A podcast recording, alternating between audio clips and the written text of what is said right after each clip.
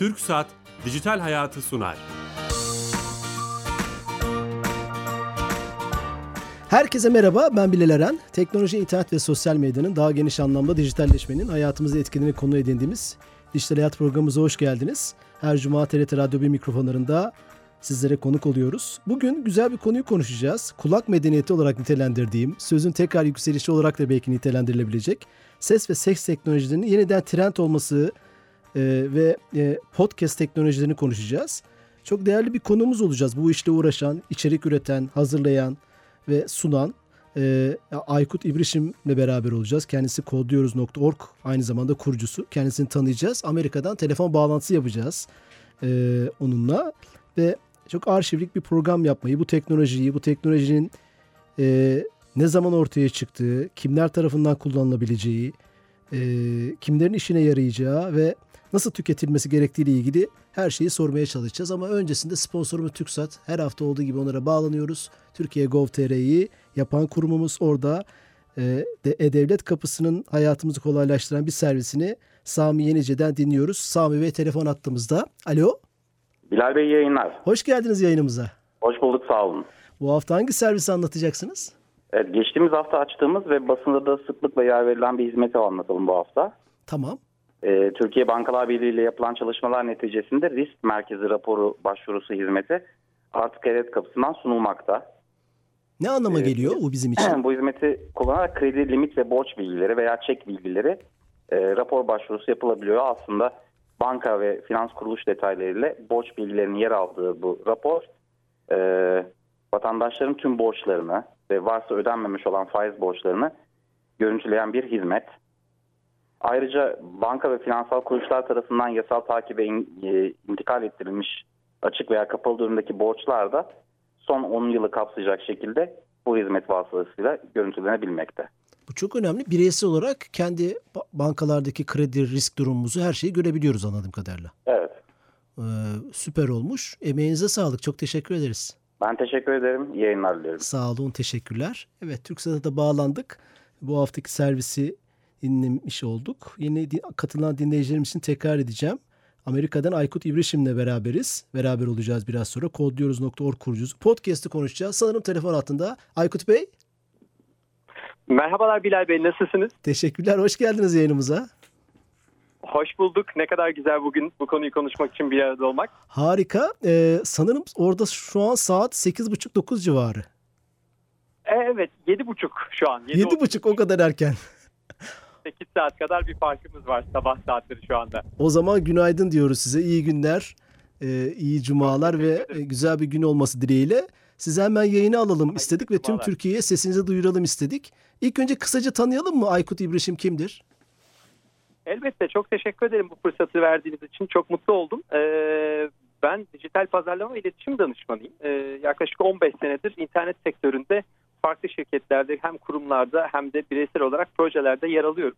Ee, son 5 senedir de Amerika'da yaşıyorum. Burada e, çeşitli firmalara internet ve dijital pazarlama üzerine e, danışmanlık veriyorum. Bir yandan da, da sosyal girişimcilik tarafım var. Kodluyoruz.org adında bir girişimimiz var. Türkiye'deki gençlerin yazılım alanında e, kendilerini geliştirebilmeleri için e, bir eğitim düzenlediğimiz bir organizasyonumuz var. Bütün bunları yaparken de aslında e, podcast'te de tanışma fırsatımız biraz bu nedenle çıktı. Dijital iletişim deyince podcast'te iletişim metotlarından biri özellikle Amerika'da çok yaygın. Dolayısıyla kendimi biraz da bu tarafta geliştirir ve bu sektörün içerisinde buldum açıkçası. Hoş geldiniz. Biz o podcast şapkanızı ve yönünüzü ve tecrübenizi aslında konuşmak istiyoruz. Oradan istifade etmek istiyoruz. Ama bir ayağınız da Türkiye'de onu anladığım kadarıyla. Evet oradan uzakta kalmak çok zor. E, yurt dışında olunca aklınız gönlünüz hep e, bir şekilde Türkiye'de oluyor. Edindiğimiz bütün bilgileri, birikimi bir şekilde Türkiye'deki gençlere ve e, dostlarımıza, sevdiklerimize aktarmak için çabalıyoruz. E, burada çalışıyoruz. E, bir yanımızda da Türkiye'ye aktarıyoruz. Dolayısıyla gönlümüz, kalbimiz orada. Harika. Sesinizi alıyoruz şimdi tüm Türkiye ve bütün o bilgileri alacağız. İlk önce şöyle başlayalım mı? Ee, podcast nedir? Hani bu bunu hiç duymayan, bilmeyen dinleyicilerimiz olabilir. Böyle bir giriş yapalım mı hızlı hızlı? Tabii ki elbette harika olur. Ee, podcast aslında bir yayın türü. Ee, bugün tıpkı e, radyoda şu anda hep beraber birlikte yaptığımız gibi bir nevi yeni yeni model e, radyo yayıncılığı diyebiliriz aslında. İlk çıkış noktası 2000'lerin başına dayanıyor. Ee, özellikle aslında podcast deyince iPod, Apple cihazından birçok kişiye belki e, bir tanıdıklık gelecektir. Ama 2000'li yılların başında internetin de gelişmesiyle birlikte e, dijital ses kayıtlarını ve bir takım görsel video kayıtlarını internet üzerinde abonelik usulüyle yayınlayabilecek bir format geliştiriyorlar aslında. Dolayısıyla e, tıpkı radyo kanalında e, numarasını bilip e, radyoda e, her gün her belli saatte programı açtığımız gibi e, belli bir link üzerinden e, çeşitli yayınları takip edebildiğiniz bir format aslında. Dolayısıyla şirketlerin de, kurumların da, radyoların da ya da bireylerin de internet üzerinden kendi yayınlarını yapmasını sağlayan bir format podcast. E, şunu soracağım. E, e şunu da görüyorum ben. Video podcast, zengin podcast gibi. Sanki sadece ses değil başka biçimleri de varmış gibi. Çok doğru. Ee, her ne kadar asıl yaygınlaştığı nokta ses üzerine oluyor olsa da aslında şu anda e, internet üzerinde hızın da gelişmesiyle birlikte, e, yayın hızlarının da gelişmesiyle birlikte video podcastçiliği de oldukça yaygın. E, bunu tabii çok YouTube'la karıştırmamak lazım. Orada tamamen video üzerinde bir içerik var ama e, podcastçilik alanında çalışan insanların da görsellikle kendi yayınlarını zenginleştirdiği bir e, yayın türü var ama genel olarak sektöre baktığınızda podcast denince sesli içeriklerin çok daha baskın olduğunu e, bu kanalda da özellikle radyo geçmişi olan kişilerin e, daha yoğun vaziyette çalıştığını görebiliriz. Tabii orada başka dominant mecralar olunca YouTube gibi dediğiniz gibi herhalde podcast'in görüntülü veya videolu video podcast'lerin önü biraz tıkanmış oluyor başka mecralardan dolayı öyle diyebiliriz belki. Doğru, haklısınız. Aslında tabii YouTube çok baskın bir mecra internet üzerinde. E, podcast'le kıyasladığımız zaman podcast biraz daha e, niş, küçük bir alan kalıyor. Yaklaşık 15 senelik bir geçmişi var podcast'in. Fakat biraz daha teknoloji konusunda daha ilgili olan insanların zamanında e, yoğun olarak kullandığı bir e, alandı. Fakat son 3 sene içerisinde e, özellikle demin de belirttiğim gibi internet ses teknolojilerinin hız teknolojisinin gelişmesiyle birlikte e, bireylere çok daha e, kolaylıkla yayın yapabilecek bir imkan sağlamaya başladı. Dolayısıyla önümüzdeki 5 sene içerisinde YouTube'la belki aynı oranlarda olmamakla beraber e, çok e, hızla yükselen bir e, trend görüyor olacağız bu sene bile ciddi aslında e, kullanım oranlarında farklılık olduğunu görüyoruz podcast yayıncılığında. Aslında şeyi soracağım bu e, bunun sosyolojisini daha doğrusu e, sesin tekrar yükselişindeki arka plandaki düşüncelerinizi şunu merak ediyorum. Pod ve cast e, bu Apple'dan mı geliyor? Bu şeyi tamam bu kelimenin tam anlamını nasıl ortaya çıktığını e, öğrenebilir miyiz? Tabii ki aslında doğru söylüyorsunuz. İki tane çıkış noktası olduğu söyleniyor. Ee, çok net değil aslında. E, ilk bu ismi kullanan 2004 yılında bir İngiliz gazeteci, teknolojist e, Guardian ve BBC e, gibi kanallarda gazetecilik yapan e, Ben Hammersley diye bir e, kişi aslında gazeteci. İlk defa kendi bir e, makalesinde bu ismi kullanıyor. Ama bu işin yayılmasını sağlayan e, bu işin fiili aslında e, Apple ve e, iPad, iPod diyebiliriz e, iPod cihazlarının bu formatı desteklemesiyle beraber Amerika'da 2004-2005 yıllarında büyük bir patlama yaşanıyor podcast dinleme oranlarında ve bu mecranın da aslında ana sahibi e, Apple ve e, iPad, iPhone ve iPad cihazları diyebiliriz aslında. Dolayısıyla e, bu ekolü yaratanlar da onlar. Bugün bunu kullanabiliyorsak biraz Apple'a borçluyuz. Evet aslında hiç yeni de bir teknoloji değil. 2004 internet dünyası için çok çok eski bir zaman dilimine denk gelebiliyor gelişmelere baktığımızda. Ne oldu da peki aynı hızda yükselmedi veya tekrar gündemimize 200 senedir tekrar oturdu? Çok güzel bir nokta. Ee, yaklaşık 15 senedir bu e, sektör içerisinde var. Amerika'ya baktığınız zaman aslında Amerika'da ilk çıkış e, dönemlerinden bu yana e, büyük kurumların, radyoların, gazetelerin çok e, sıklıkla kullandığı e, kendi yayın platformlarının içinde olan bir kanal olmakla beraber dünyada böyle değildi. Tabii ki bunun en önemli kısmı internetin hızı ve bireylerin e, kendi kendilerine yayın yapabilecek teknolojik imkanlara kavuşabilme e, hızı. E, bugün baktığınız zaman bu yayıncılığın, bu trendin artışını telefonların, mobil telefonların kullanım hızı ve sahipliğiyle e, ölçeklendirebilir ve ilişkilendirebiliriz aslında. Bugün her kişinin cebinde bir mobil cihaz var, akıllı telefon var ve bu akıllı telefonlarla çok hızlı bir şekilde bir podcast yayıncılığı başlatabiliyorsunuz. Dolayısıyla bu 15 senelik geçmişin aslında son 3 senesi e, ciddi bir şekilde artan bir trend olarak e, görebiliriz. Bunu da bireylerin internete bağlantı hızıyla eşleştiriyoruz doğrusu. Ben de şöyle ne acaba şöyle bir yorum yapsam Ne dersiniz, katılır mısınız? Bu şehir hayatının tüm dünya için geçerli. Koşturması için de e, otobüste, vapurda, trende, belki kişisel işte kendi aracımızda e, bu koşturma içinde bazen gözle takip edemediğimiz e, birçok içeriği sadece kulaklığımızla takip etme çeşitli zorluklardan dolayı sanki buraya doğru bir yöneliş varmış gibi. Bir de podcast'in işte görüntüye göre daha az e, hacimlerde olması, e, daha kolay indirilebilmesi cihazlarımıza, her yerden dinle, dinlenebilir olması sanki bu işi biraz tetiklemiş gibi görünüyor. Bilmiyorum çok mu sosyal bir yorum yaptım? Çok çok doğru bir noktaya değiniyorsunuz. Ee, özellikle yol e, yani günlük çalışma hayatının içerisinde olan insanlar için bir görüntüyü aynı anda takip etmek ve e, o sırada yapacağı işi yapmak, araba kullanıyorsa arabasını kullanmak ya da işine yetişmek, evine dönmek e, dolayısıyla ses getiren, ses teknolojisine ihtiyaç olan bir an. E, podcast'i dinlerken elleriniz boşta ve herhangi bir şeyle uğraşabiliyorsunuz ya da hareket halinde olabiliyorsunuz. Ancak dediğiniz gibi bir video izliyorsanız gözünüz, beyniniz, eliniz e, dolayısıyla oraya e, odaklanmak durumunda. E, en büyük avantajı sesin aynı radyoda olduğu gibi e, eş zamanlı olarak farklı kanallarla, farklı bir takım işlerle uğraşabiliyor olmanız. Tabii ikincisi de özellikle son dönemde gelişen e, hızla beraber, şehir hayatının hızıyla beraber bilgiye ihtiyacımız, bilgiye olan açlığımız da artmakta. Dolayısıyla her an e, yeni bir bilgiye ulaşmak istiyoruz. Ses teknolojisiyle bunu yapabilmek çok daha kolay. E, özellikle evinize dönerken e, bugün e, araştırmalara baktığımız zaman yaklaşık %70-75 civarında podcast dinleyicisi e, podcastleri e, yol esnasında dinliyor. Dolayısıyla otobüste, vapurda ya da herhangi bir şekilde evinize dönerken ya da evinizden işinize giderken bir haber kanalını açıp, yeni bir yayını açıp e, bir kitap dinleyebiliyorsunuz. Yeni bir bilgi edinebiliyorsunuz. Büyük bir avantaj. O yüzden doğru bir noktaya değindiniz açıkçası. Harika. Yeni katılan dinleyicilerimiz varsa tekrar etmek de istiyorum aslında. Amerika'dan Aykut İbrişim'le beraberiz. Podcast uzmanı hem içerik üretiyor hem de bizlere ulaştırıyor. Ee, konuğumuz aslında güzel başladık. Hani podcast'i konuştuk. Nasıl yükseliyor, nasıl başladı? Bir duraksama dönemi oldu gibi sosyal medya ile beraber. O Facebook, Twitter, YouTube gibi hayatımıza birdenbire giren çok renkli şeyden sonra ama tekrar yükseldiğini ve e, insanların podcast ihtiyaçlarını biraz önce konuştuğumuz sebeplerden dolayı tekrar e, gereksinim olarak gördüğünü e, konuştuk aslında. Bir de şunu e, acaba buna da katılır mısınız bilmiyorum. Sanki Apple bu işi hani başlangıcındaki firma e, yukarılara çıkaramadı. Başka aktörler geldi gibi işte mesela zikretmekte sorun yok artık. Spotify inanılmaz bir güç. Sanırım Doğru. podcast için çok değişik e, projeleri var. Yapmaya da başladı bununla ilgili. Ne dersiniz?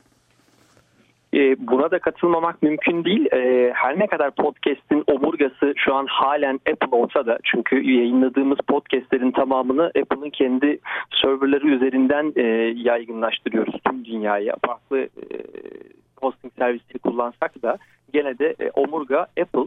Ancak Spotify bu sene geçtiğimiz aylar içerisinde bu yılın başında çok büyük bir atak yaptı yıllardır e, uyuyan dev Apple'ın yanında e, Spotify bir Amerikan e, daha doğrusu Avrupalı e, bir yayın e, kuruluşunu Gimlet Medya'yı satın aldı e, ve bu sene 500 milyon dolarlık bir yatırım yaptı bu sektöre.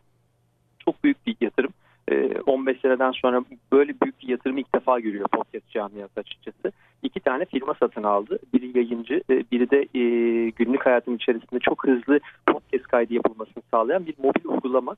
Dolayısıyla bu yıl ve bu yıldan sonra bu sektör içerisinde taşlar yeniden yerinden oynayacak ve kartlar yeniden dağıtılacak diye bekliyoruz. Spotify'ın bu girişi bizim için de dinleyiciler açısından da çok kritik diye görülüyor şu an için. Harika. Biraz da şeyi konuşalım mı bu bölümde? Artık hani içerik üretmek isteyen e, veya söyleyecek sözü olan birçok insan var, evet. uzmanlar var. Podcast sanırım bu ses teknolojisini e, bir yerlere dağıtmak, üretmek, bunu etkileşime sokmak diğer teknolojilere göre daha maliyetsiz, daha ucuz. Öyle görüyorum. Yanlış biliyorsam düzeltin e, lütfen. E, siz ne dersiniz? Hani biraz da içerik üreticiler için tavsiye eder misiniz? Elbette. E, bu konuda hem bireyler için hem kurumlar için çok büyük avantajlar olduğunu düşünüyoruz. E, kurumlar açısından baktığımız zaman bu bir e, dijital iletişim kanalı. Dolayısıyla ihtiyacınız olan, iletmek istediğiniz mesajı çok hızlı ve temiz bir şekilde e, dinleyiciye aktarabiliyoruz. E, buradaki önemli kritik nokta aslında podcast yayıncılığında şu. E, bir yayını dinlerken az evvel sizin de örnek verdiğiniz gibi yolda dinlerken e, dikkatinizi dağıtan kulaklıkla sizin aranıza giren başka hiçbir şey yok. Dolayısıyla e, bir mesajınız varsa, söylemek istediğiniz, anlatmak istediğiniz, uzman olduğunuz bir konu varsa bu kanal çok kritik ve çok önemli. E, birey olarak bu alana girmek isteyenler için de giriş bariyerleri çok düşük. E, bugün bir e, mobil cihazınızın üzerinden çok hızlı bir şekilde kayıt yapıp ücretsiz bir takım kanalları kullanıp e, podcast yayıncılığı başlatabiliyorsunuz. Bu yıl içerisinde ve önümüzdeki yıl içerisinde bunu daha kolaylaştıran e, mobil uygulamalar da hayata geçecek. Bir takım e, uygulamalar hayata geçti. Dolayısıyla burada ihtiyacı olan insanların aslında bir podcast yayını yapmak istiyorsa öncelikle bir fikir, e, uzman oldukları, iyi bildikleri, anlatmak istedikleri konuda bir e, tabii ki bir çalışma, giriş gelişme sonuç bir hikaye anlatmaları gerekiyor çünkü. E, bu hikayeye ihtiyaçları var. E, onun dışında aslında bugün bir mobil uygulamayla çok hızlı bir şekilde podcast yayını başlatabiliyorsunuz. Ama herkes aynı şeyi söylüyorum. Buradaki önemli olan cihazlar değil. E, bugün sizin de kullandığınız şu anda içerisinde olduğumuz TRT Radyo'nun müthiş yayın cihazları var ama evde de e, çok basit bir cihazda bu yayını gerçekleştirebilirler. Buradaki en önemli kritik nokta aslında içeriği oluşturmak ve e, dinleyen insana ben ne katabilirim? E, içeriği anlattıktan sonra bu insanların aklında ne bırakabilirim? Bence en önemli nokta bu. Dolayısıyla öncelikle içeriye çalışmak lazım. Arkasından çok hızlı bir şekilde yayın yapacak bir cihaz bulabiliyoruz çünkü. Harika. Bir simülasyon yapalım mı? Mesela e, bizi dinleyen dinleyicilerimizden bir tanesi e, diyelim anlatmak istediği bir şey var. Yerel veya e, eğitimiyle ilgili. Yöresel bir şey de olabilir. Bir evet. fikir olur, bir hikaye olur dediğiniz gibi. Ne yapması lazım ilk? Bir podcast İlk kanalı açalım ve ses yayın yapmaya başlayalım. Evet harika. Ee, şunu şunu yapmaları gerekiyor aslında. İçeriği oluşturduktan sonra oturacaklar, bir içerik oluşturacaklar. İçerik oluşturduktan sonra e, ya internet üzerinde ya da bir mobil cihaz üzerinde bugün e, internet üzerinde SoundCloud benzeri sesinizi yayınlayabileceğiniz e, internette ücretsiz yayın servisleri var. Bu servislerden bir tanesinden bir hesap açmak gerekiyor ve e, bilgisayarınızın mikrofonundan ya da telefonunuzun mikrofonundan bir ses kaydı oluşturmanız gerekiyor. Anlatacağınız şeyi e, kaydettikten sonra bu platforma örnek olarak SoundCloud'ı bahsediyorsak e, bu platforma yüklüyorsunuz e, arkasından tabii ki kendinize bir isim bulmak lazım. E, kanalın ismi gibi değil mi? Kanalın, kanalın bir ismi. Tabii kanalınızın ismi gibi. Tıpkı bugün TRT bir radyoda e, dijital hayatı konuşuyorsak, şu an dijital hayatın içerisindeysek kendi yayınınız için bir isim veriyorsunuz. E, ufak bir görseli oluyor bunun. Bunu da yüklüyorsunuz. Çünkü tanıtımını yapmanız gerekli. Arkasına ses kaydınızı bu platforma yükledikten sonra teknik olarak aslında işiniz bitiyor. Sesiniz e, şu anda internette yayınlanmış hale geliyor. Ama asıl iş o zaman başlıyor. E, sesinizi buraya koyduktan, programınızı buraya koyduktan sonra tabii ki bunu dağıtmanız lazım. E, bugün TRT1 Radyo'nun müthiş bir bilinliği var. E, herkes sizi gelip takip ediyor. Ancak e, birey olarak Aykut İbriş'in burada bir yayın yaptığı zaman, misal ben Hagel'de Gidecek adlı bir yayın yapıyorum. Ama bunu bu internet üzerine yerleştirdikten sonra e, kimse böyle bir yayın olduğunu bilmiyor. Dolayısıyla burada bir pazarlama çalışması, iletişim çalışması yapmak Orada sizin uzmanınız devreye giriyor. Kesinlik, kesinlikle haklısınız. Dolayısıyla e, içeriğiniz düzgünse kendinizi düzgün bir şekilde tanıtabiliyorsanız zamanla da burada bir dinleyici kitlesi oluşturuyorsunuz. Ama dediğim gibi önce bir ses kaydı oluşturmanız, e, içeriğinizi belirlemeniz ve ücretsiz servislerden birine yerleştirmeniz yeterli. Eğer daha profesyonel bir çalışma yapacaksanız tabii ki bunun ücretli bir takım e, servisleri var size e, analitik hizmetleri veren, e, yayınınızın gidişatını gösterebilen daha profesyonel servisler var. Bir tıpkı bir radyo kanalı gibi. E, bu servislerden birini de kullanarak daha profesyonel kurumsal bir çalışmada gerçekleştirebilirsiniz. Şey var mı mesela YouTube'da en fazla 10 dakikalık bir görüntü en çok izlenenler kategorisine giriyor. YouTube'da bunu öne doğru çıkarıyor gibi hep aslında sizin uzmanlık alanınızdaki insanların söylediği şeyler. Seste podcast'te en fazla 3 dakika 5 dakika bir şey önerebilir miyiz? Hani bu simülasyon yaptık ya biraz önce onun içinde. Bir ortalama var doğru. Ee, dünya çapında aslında sektör geneline baktığımız zaman bir podcast yayını ortalama yarım saat maksimum sürmesi tavsiye ediliyor. Şöyle düşünün. E, bugün arabanıza bindiniz ya da otobüse bindiniz. E, İstanbul'da ortalaması 45 dakikanın biraz üstünde ama bir saat belki buluyor ama e, bir konu hakkında dinleyebileceğiniz yayın yarım saat. Yarım saat sonra farklı bir noktaya ulaşmış ve artık kulaklığınızı çıkarmış oluyorsunuz. Dolayısıyla vereceğiniz mesajı yarım saat içerisinde verebilmek yayının tamamını dinletebilmek adına çok kritik. tabii ki daha uzun yayınlar yok mu? Var. Bir saat, bir buçuk saat civarında podcastler var. Ama sağlıklı bir şekilde iletişimi verebilmek için e, e, 20 dakika ile yarım saat arasında tutmak tıpkı bugünkü programımızda olduğu gibi çok etkili olacaktır. Ha, harika. Yeni hayata başlayan yeni podcast ya- yapacak insanlar için de kendine daha az emekle daha hızlı bir şekilde yayın çıkarmak açısından da faydalı olur. Yayın uzadıkça e, o işlemi yapmak zorlaşıyor çünkü. Bunu da öğrenmiş olduk. Şimdi biz de e, dijital hayat programlarımızı aslında simülasyondan biraz gerçeğe dönelim. SoundCloud'da dediğiniz gibi hesap açtık ve oraya koyduk. E, fakat bir süre sonra e, limit olduğunu öğrendik ve aylık bizden bir ücret istedi. E, Doğru. Hiç ücretsiz hani dinleyicilerimiz için böyle bir mecra platform var mı yoksa illa günün sonunda diyelim 10 programdan sonra 10 tane yarım saatten sonra 11. programda artık bu alan için seslerinizi koyduğunuz alan için bir ücret ödemelisiniz mecbursunuz mu diyorsunuz?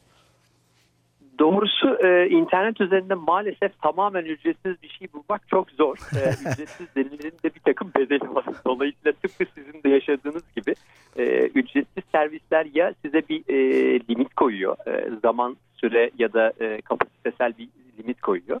Ya da mesela e, Spotify'ın yakın zamanda satın aldığı mobil uygulama Anchor diye bir e, mobil uygulama var.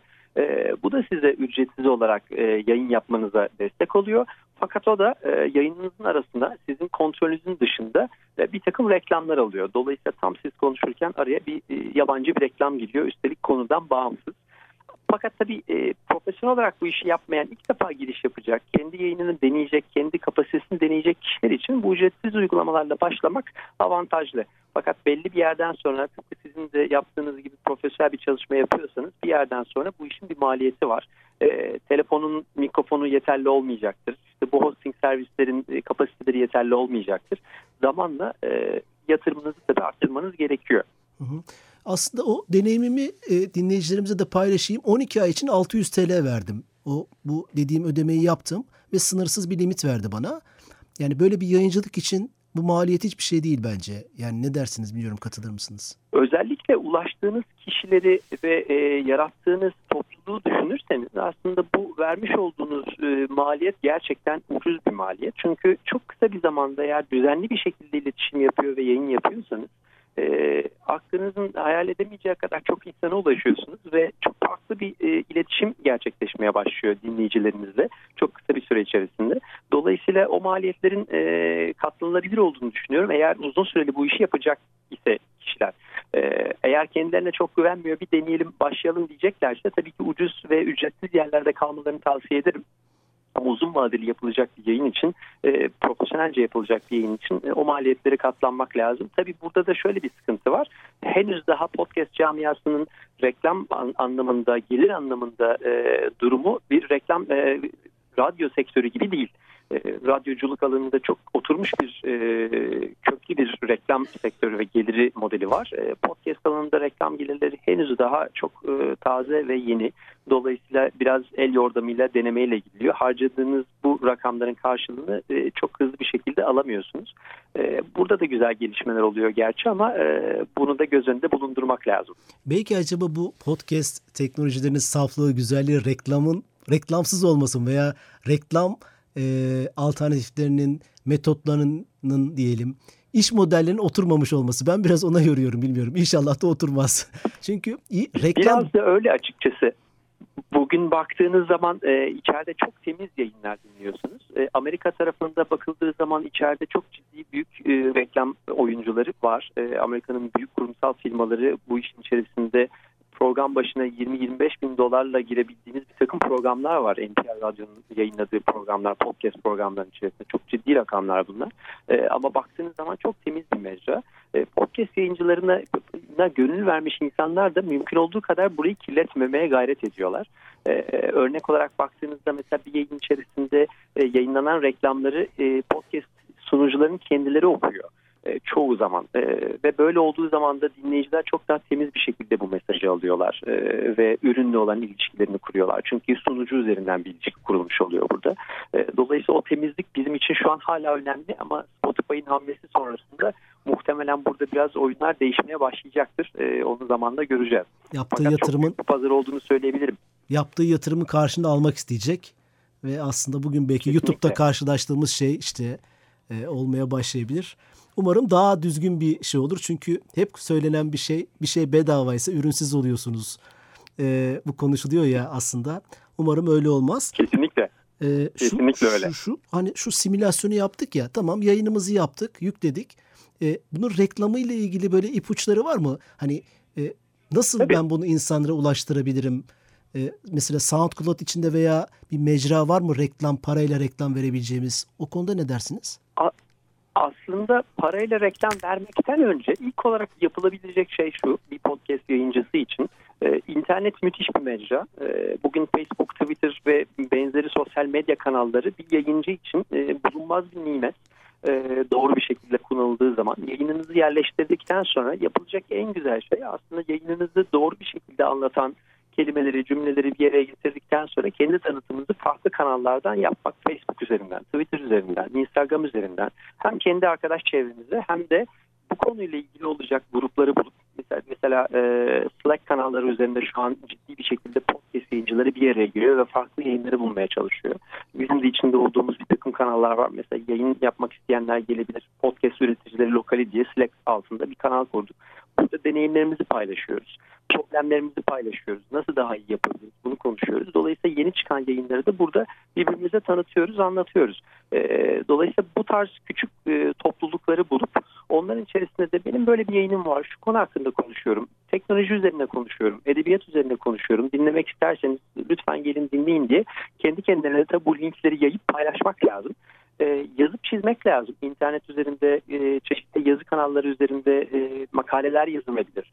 Sektör üzerinde yazılar yazılabilir. Kendi anlattıkları konular üzerinde yazılar yazılabilir. Dolayısıyla mümkün olduğu kadar internet üzerindeki o varlığı ve e, podcast'in ismini ve linkini yayabiliyor olmak lazım. Arkasından da dileyen e, ücretli olarak Facebook'un, Twitter'ın ya da benzer kanalların kendi reklamlı e, ücretli reklam modellerini kullanarak yaygınlığını arttırabilir. Ama ben kişisel olarak söyleyeyim bugüne kadar hiç bu konuda ekstra e, bir parayla reklam verme ihtiyacı duymadım.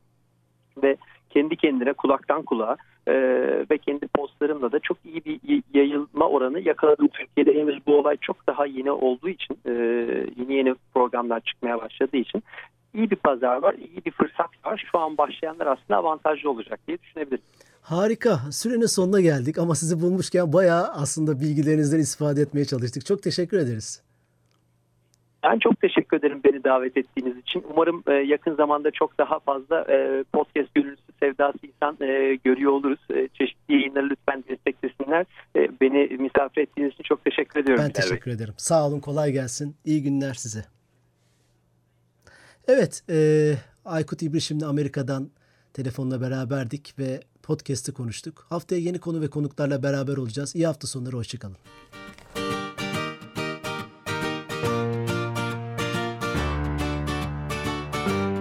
Türksat Dijital Hayatı sondu.